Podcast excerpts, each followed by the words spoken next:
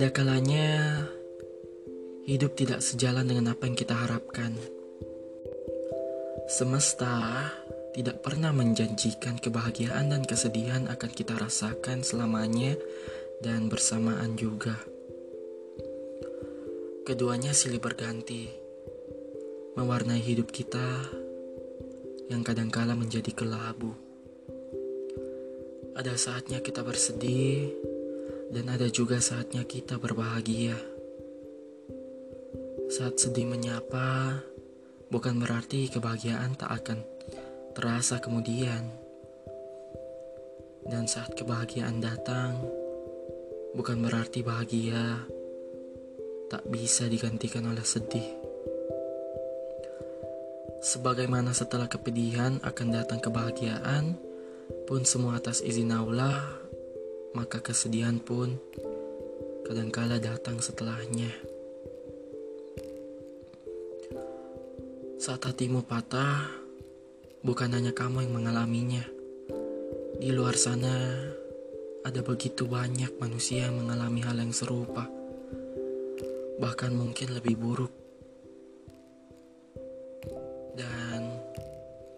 Kamu hanya sebagian kecil dari mereka. Kamu hanya perlu menyikapinya.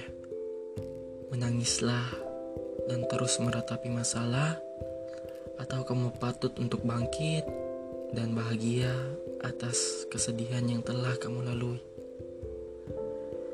Memang tidak mudah menerima kenyataan yang tak sesuai dengan harapan. Sebab ketika hati yang patah mengalami Sakit tentu mencari penyembuh bukanlah hal yang mudah. Tapi dari harapan yang telah pudar, aku yakin kamu belajar. Kamu belajar agar ke depannya kamu mampu menjadi pribadi yang lebih baik dan pribadi yang lebih mengharapkan apa yang sepatutnya kamu harapkan.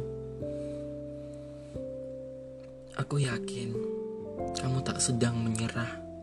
Jadi, Jangan pernah menyerah. Sekalipun perasaanmu sedang hancur-hancurnya, sedang lebur-leburnya, tolong cukup hatimu yang patah. Semangatmu jangan. Bangkitlah, berteriaklah, dan semangatlah. Luka telah mendewasakanmu.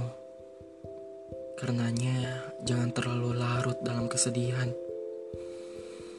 Percaya, bersyukurlah atas sakit hatimu yang telah kamu lalui atau sedang kamu lalui. Bisa jadi ke depannya semua akan sangat kau syukuri. Semua itu adalah bagian dari pembelajaran dirimu.